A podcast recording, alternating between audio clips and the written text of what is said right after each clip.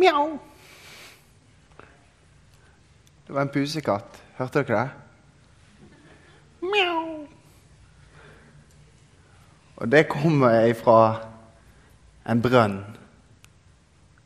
Og en stakkars liten pusekatt som hadde falt ned i en brønn. Så titter liksom ned der, og der, helt fortvila, sånne pusekattøyne som stirrer opp. Han holdt på å drukne. Så kom det en luring og kasta nedi en eh, trepinne som katten klamra seg fast til. Og Så måtte de prøve å få katten opp av brønnen. Så det, kom det en med, med korg og så med tau, og så firte de liksom ned der. Men katten ville ikke hoppe over i korga. Han holdt seg på denne grunnen der.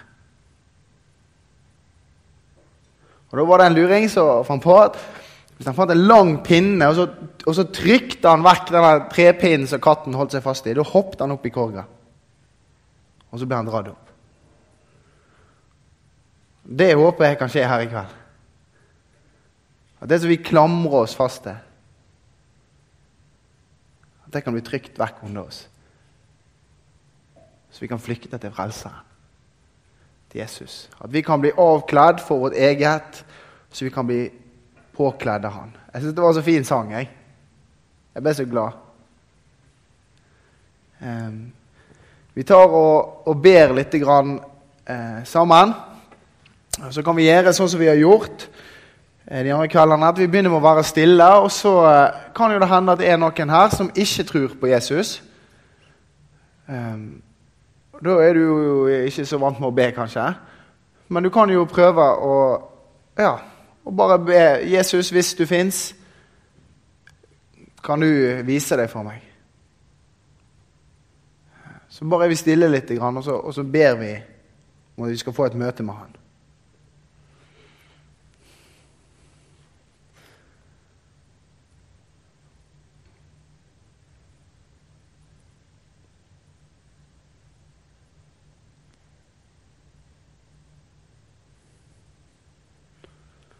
Herre Jesus, jeg ber om eh,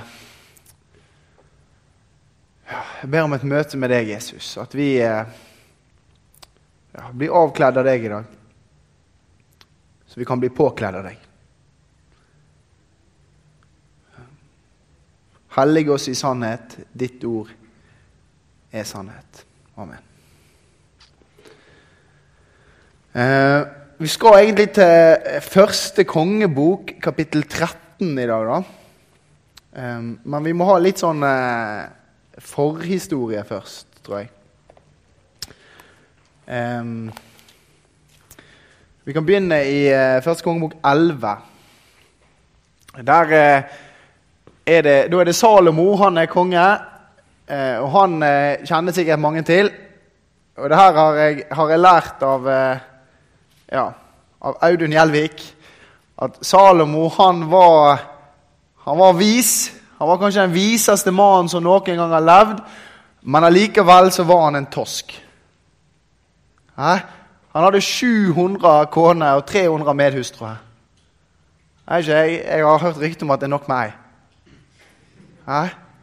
Det var mange svigermødre og bursdager og greier å holde styr på. 700 og 300 medhustruer. Det verste med dette var at når Salomo begynte å bli gammel, så fikk de vendt hjertet hans vekk ifra den levende Gud og til avgudene. Så begynte han å dyrke og tilbe guder som ikke er guder. Tomhet. Og Da kom det en profet til Salomo og sa at, at riket skal bli tatt ifra din ett. Du skal ikke lenger være konge, eller, eller din, din, sønn skal ikke lenger få være konge over hele Israel. Og Så skjer akkurat det når eh, Salomo dør og hans sønn Rehabeam blir konge. Da er vi i første gang bok 12. Eh, så samles hele Israel framfor han, og så sier de til Salomo sin sønn Rehabeam at nå må du lette åket som er lagt på oss. Din far var, la et tungt åk på oss. Nå må du lette åket. Kan du gjøre det? Så ender med at Rebeam sier nei. Jeg skal legge et enda tyngre åk på dere. Og da går hele folket ifra han. Israel blir delt i to. Eh, du får Sørriket, to stammer. De har Rehabeam til konge, Salomos sønn. Det er Juda og Benjamin, de to stammene der. Mens de ti andre stammene, Nordriket, eller også kalt Israel, de kroner Jeroboam, Nebats sønn, til konge. Og så blir Israel delt i to. Og så er det sånn at, at Når Jeroboam blir konge, så, så, er han litt sånn, eh, han er litt redd da, for å miste makten. For han veit at når høytidene kommer, og israelsfolket skal ned til Jerusalem for å tilbe, så vet han at der har Rehabeam trona si. Og Da er han redd for at hjertet deres skal bli vendt til Rehabeam, og at de skal krone han til konge igjen. Så det, Jeroboam får en sånn lur idé. da, og så, og så setter han opp to gullkalver. En i Dan og en i Betel, akkurat på grensa til Sørriket. Da må de må liksom gå forbi disse to gullkalvene. Og så sier han disse gullkalvene her, folkens, det er guden deres.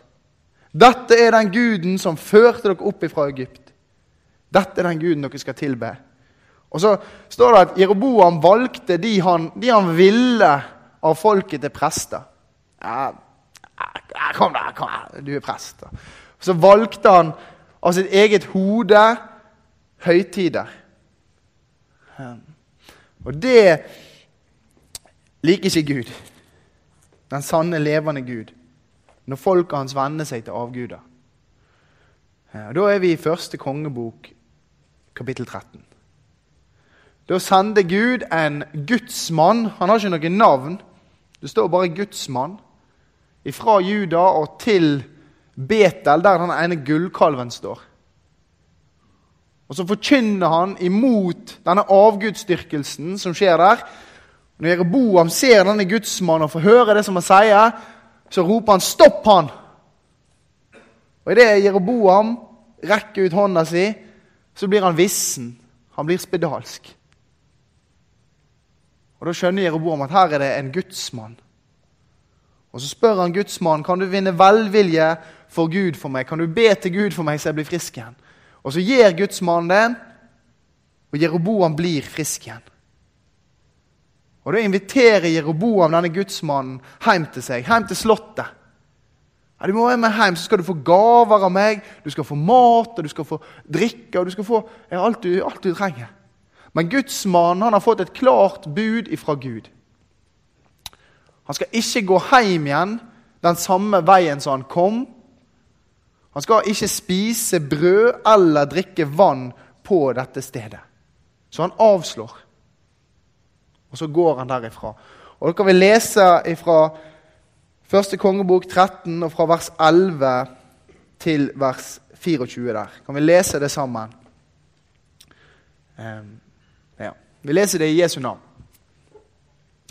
I Betel bodde det en gammel profet. Hans sønner kom og fortalte ham om alt det gudsmannen hadde gjort i Betel den dagen, og hva han hadde sagt til kongen. Da de fortalte det til faren, spurte han hvilken vei tok han. Sønnene viste ham hvilken vei han hadde tatt, den gudsmannen som var kommet fra Juda. Da sa han til sønnene sine, sal eselet for meg. De salte eselet, og han satte seg oppå det og red av sted etter gudsmannen. Han fant ham sittende under et eiketre og spurte, Er du den gudsmannen som er kommet fra Juda? Ja, det er jeg, svarte han. Da sa profeten til ham, Bli med meg hjem og få deg litt mat. Men gudsmannen svarte, 'Jeg kan ikke følge deg tilbake og ta inn hos deg.' 'Jeg vil verken spise brød eller drikke vann sammen med deg på dette stedet.' For slik lød Herrens befaling til meg. Du skal verken spise brød eller drikke vann der, og ikke dra hjem igjen den veien du kom. Da sa den andre, 'Jeg er også profet som du.' En engel sa til meg på Herrens bud, 'Ta ham med deg hjem.' så han kan få spise brød og drikke vann. Da profeten sa dette, løy han. Gudsmannen ble nå med ham hjem og spiste brød og drakk vann i hans hus. Mens de satt til bords, kom Herrens ord til profeten som hadde fått ham med tilbake, og han ropte til gudsmannen som var kommet fra Juda.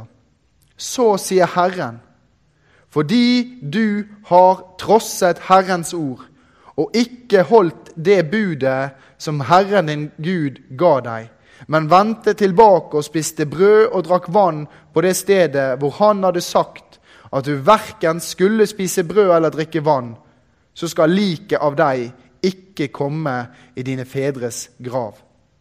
Da gudsmannen, som profeten hadde fått med seg tilbake, hadde spist og drukket, salte profeten eselet for ham.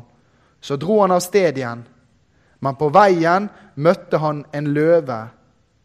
Den drepte ham, og liket hans ble liggende henslengt på veien. Det er litt av en historie. Um, det er noen ting jeg har lyst til å, å poengtere ut ifra dette.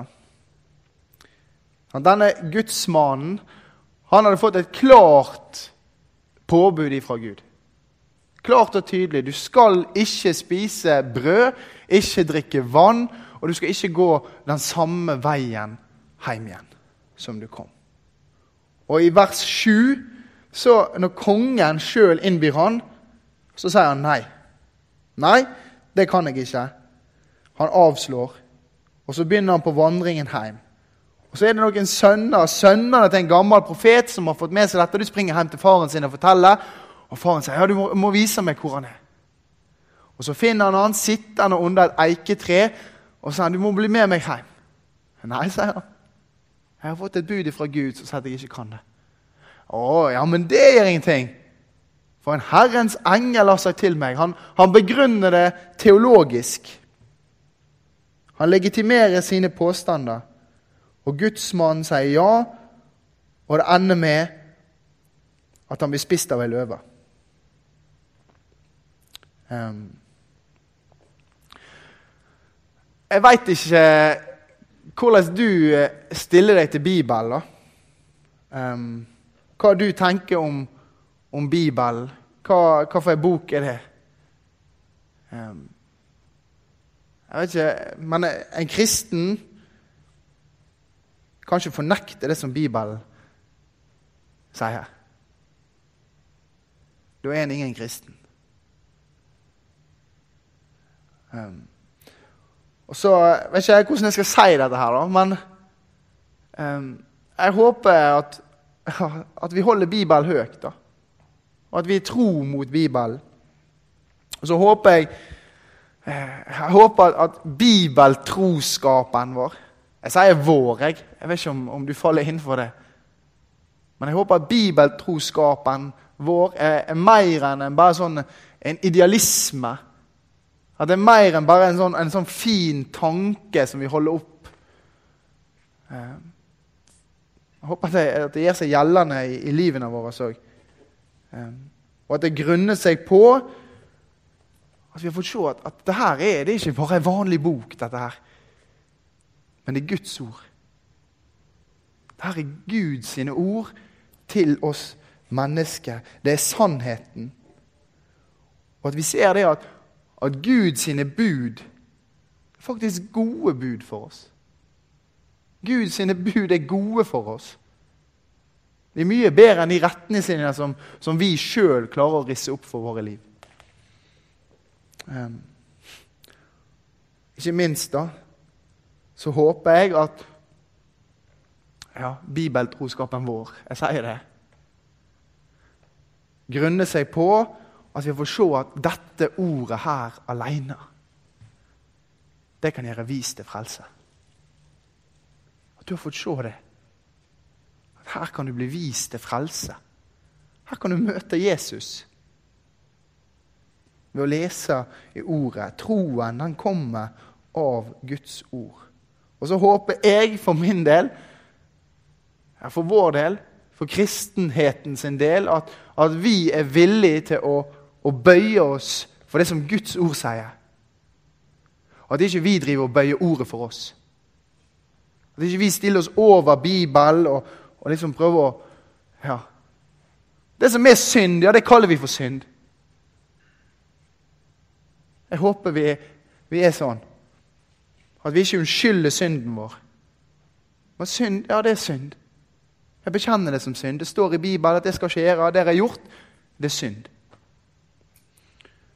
At vi ikke unnskylder det. Det var det som skjedde med, med denne gudsmannen. Han avslår Jeroboam, kongen, helt i starten. Så jeg får meg liksom en nyfrelst.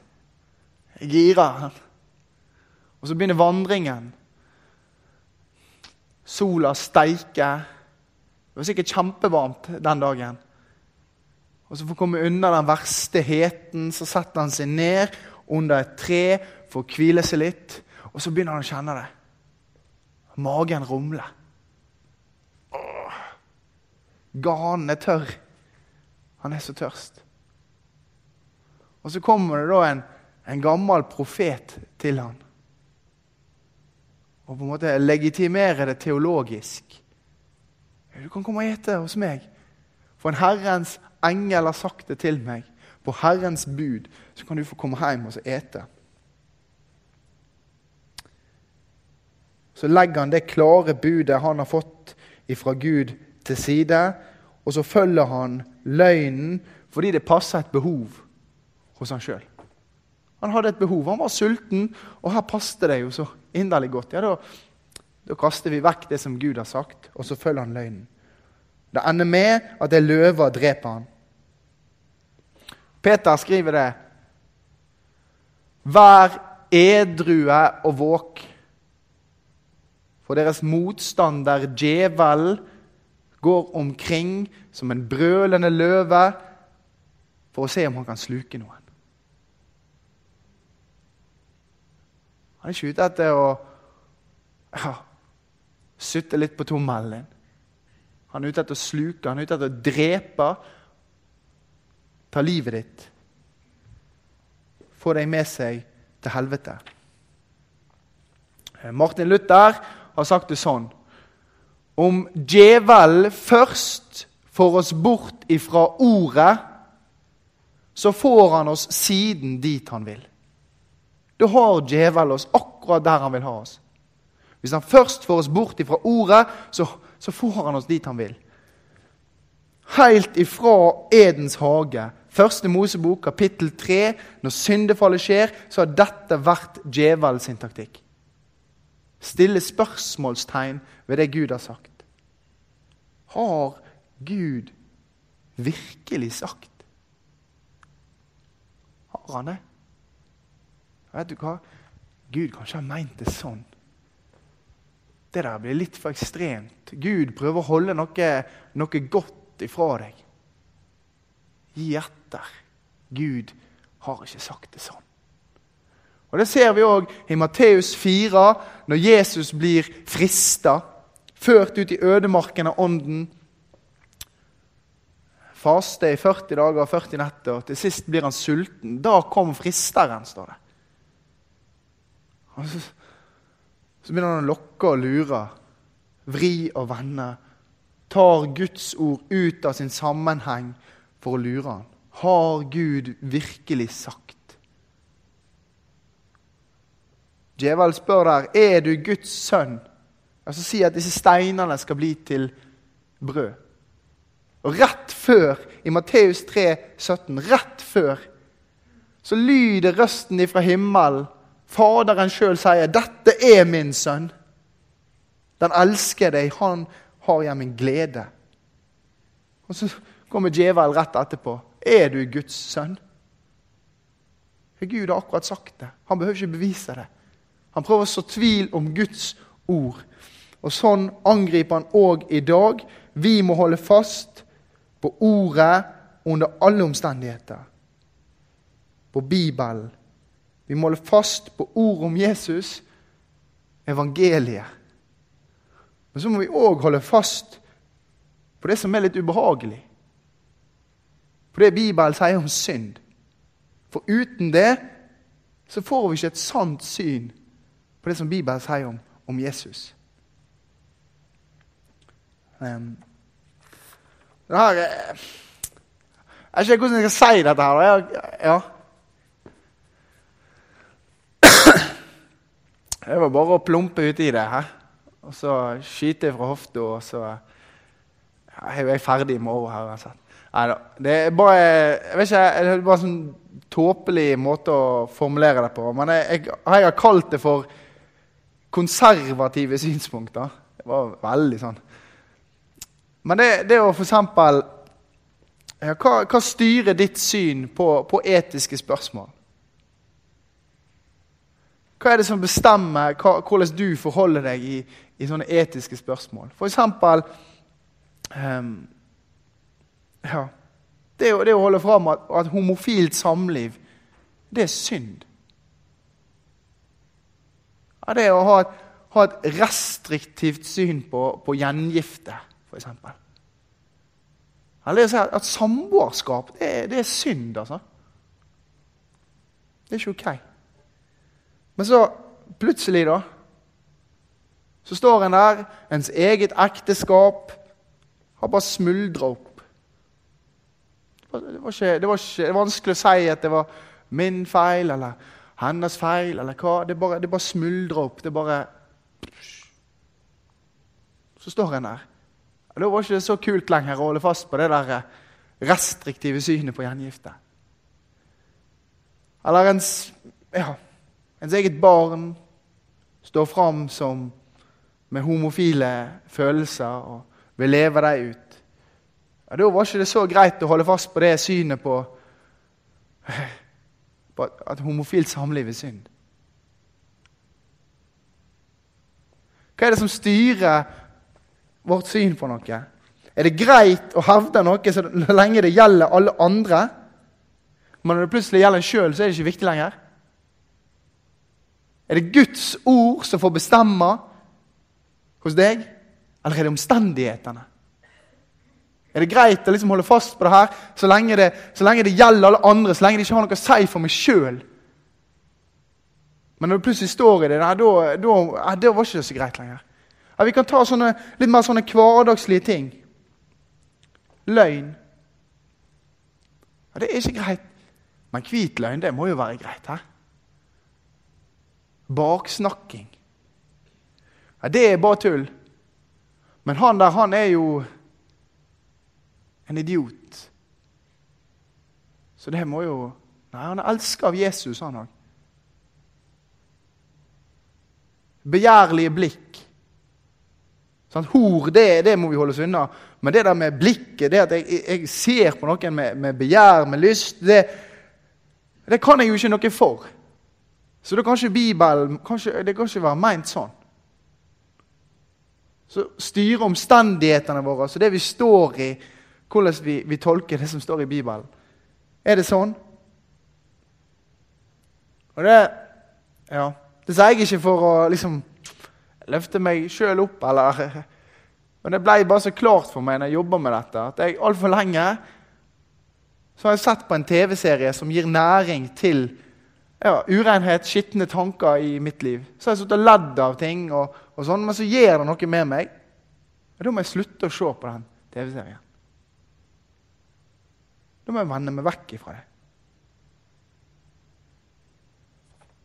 Hva er det som styrer i ditt liv? Um, første kongebok 13.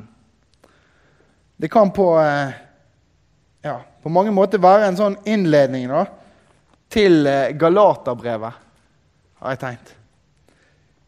Um, han, Guds mann fikk beskjed om å, om å, ikke gå tilbake igjen den veien han, var, han kom ifra. Og Det er egentlig det Paulus skriver til galaterne òg. De var i ferd med å gå tilbake den veien de kom ifra. I ferd med å gå tilbake igjen til lovgjerninger. Ikke evangeliet alene, men, men, at de må gjøre ting i tillegg for å, for å være en kristen, for å bli frelst. Så er de i ferd med å gå tilbake igjen den veien de kom ifra. Um, um, Paulus advarer dem mot dette og så oppfordrer dem til å holde fast med evangeliet. Vi, kan, vi leser der fra Galaterne 1 og fra vers 6. Og så syns jeg det går gå egentlig rett inn i, inn i det som vi har lest nå i første kongebok 13. Skriver Paulus sånn, Galaterne 1 fra vers 6. Det undrer meg at dere så raskt vender dere bort fra ham som har kalt dere ved Kristi nåde, og til et annet evangelium. Men det finnes ikke noe annet. Det er bare noen som vil forvirre dere og vil forvrenge Kristi evangelium. Men om vi selv, ja, om en engel fra himmelen skulle forkynne dere et annet evangelium enn det vi forkynte dere, forbannet være han. Vi har sagt det før og gjentar det nå. Hvis noen forkynner dere et annet evangelium enn det dere har mottatt, forbannet være han. Om det aldri er så masse teologisk begrunna, så fins det ikke noe annet evangelium enn frelse for Jesus skyld aleine. Et evangelium uten betingelser. Uten betingelse. Forbannet være den som forkynner et annet evangelium. Nå, eh, Jeg har jo drømmejobben. da. Jeg jobber som emissær. Det er veldig flott. Eh, men helt i starten av i høst, da jeg begynte å jobbe, så fikk jeg reise i lag med andre forkynnere. og sånn, og det var, det var, veldig kjekt. Veldig godt. Og det er liksom utrolig ja, Godt å ha noen å ja, bare bryne tankene på, og det å ja, å være sammen om dette. Jeg synes det er veldig flott. Men så, i november-desember, så hadde jeg en veldig sånn mørk periode. Da var jeg aleine de to siste månedene der før jul. Og jeg kan skylde på synd. Jeg kan skylde på ja, Jeg kan skylde på at jeg var aleine, på sløvhet. Jeg kan skylde på alle mulige sånn ja. Jeg kan skylde på omstendighetene. Men det som egentlig var problemet, det var at jeg var kommet vekk ifra sannheten, den enkle, klare sannheten om Jesus Kristus. Evangeliet var blitt litt sånn uklart for meg. Jeg var begynt å legge inn betingelser for, å, være, for å få være et Guds barn. Ehm, så har jeg jo sagt det noen kvelder, og det, det gjelder i kveld òg. Dere ser veldig sånn fromme og flotte ut. Ser skikkelig kristne ut der dere sitter. Men bak fasaden så skjuler det seg masse her.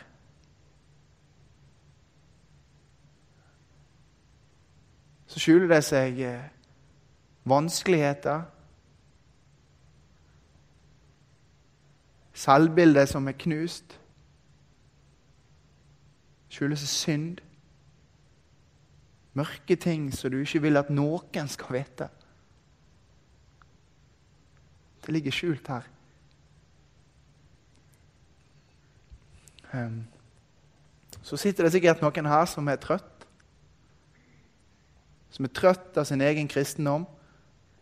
Trøtt av å ikke få det til. He? Bare gå på den samme smell hele tida. Det er bare et ork og et kav. Og Kanskje du altfor lenge har bøyd av på ordet.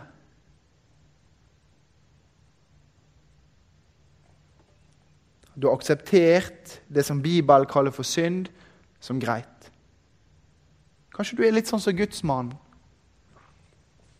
Begynte vandringen bra, kanskje. Så ble du litt trøtt og så satte du deg ned under eiketreet for å hvile litt. Og så kom du bare ut av kurs. Når vi kristne kommer ut av kurs, blir trøtte, så er det fordi vi har slutta å regne med ordet om Jesus. Når vi slutter å regne med det som Bibelen forteller om Jesus. Kristendom som handler om deg om det du skal være og det du skal gjøre, det er løgn ifra djevelen. Det er et annet evangelium.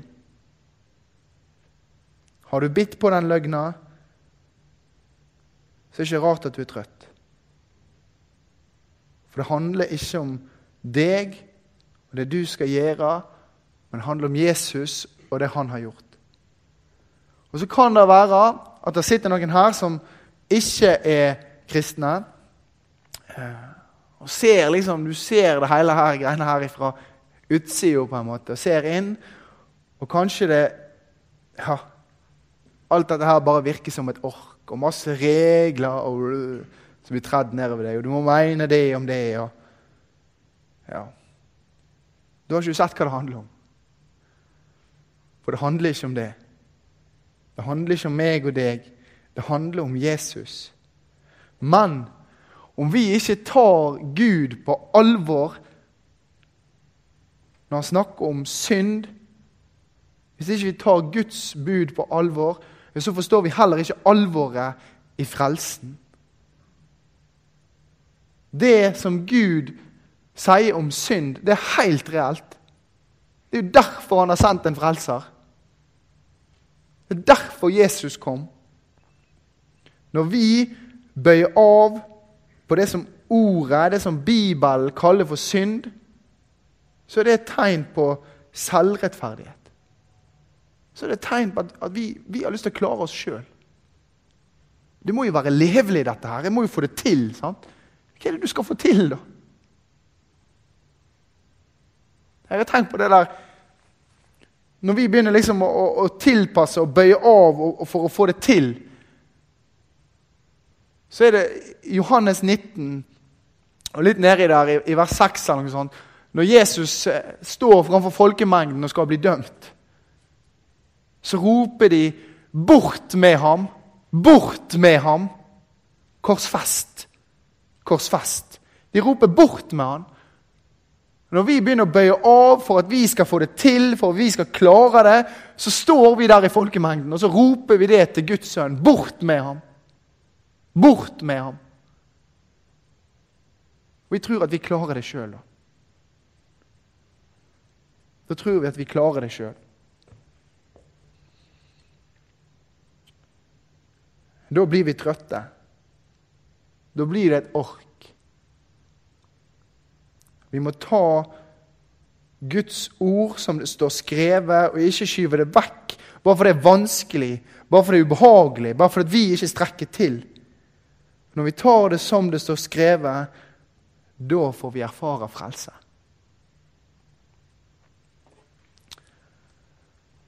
Johannes 8, 31, så sier Jesus dersom dere blir i mitt ord, da er dere i sannhet mine disipler.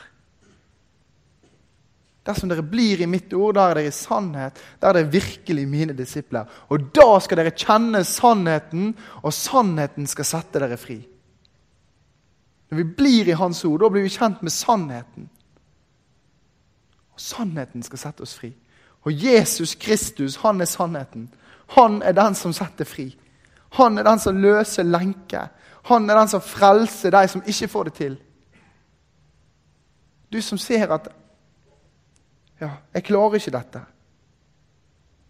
Når vi tar budene på alvor, så ser vi det. Da ser vi at vi er fortapt, og at vi er totalt avhengig av at Gud frelser. Da får han slippe til. Når vi ser at vi er naken, da kan han kle oss. Når vi ser at vi er fortapt, da kan han frelse. Guds bud er krav til meg og deg, men det er òg en beskrivelse av Gud sjøl, og det er òg en beskrivelse av Jesus. Jesus han var sånn som Guds bud. Perfekt, ulastelig. Han oppfylte alt det som Gud krever av meg og deg. Jesus levde i tråd med budene. Han var rein, et lyteløst lam Helt rein. Hvit som snø.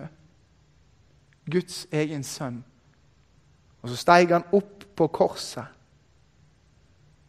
Og der blei han som ikke visste av synd, gjort til synd. Han ble gjort til synd. Så vi i Han kan stå rettferdige framfor Gud. Jesus ble gjort til det som jeg og du er, sånn at vi kan bli gjort til det som han er. Ja, Det er fantastisk.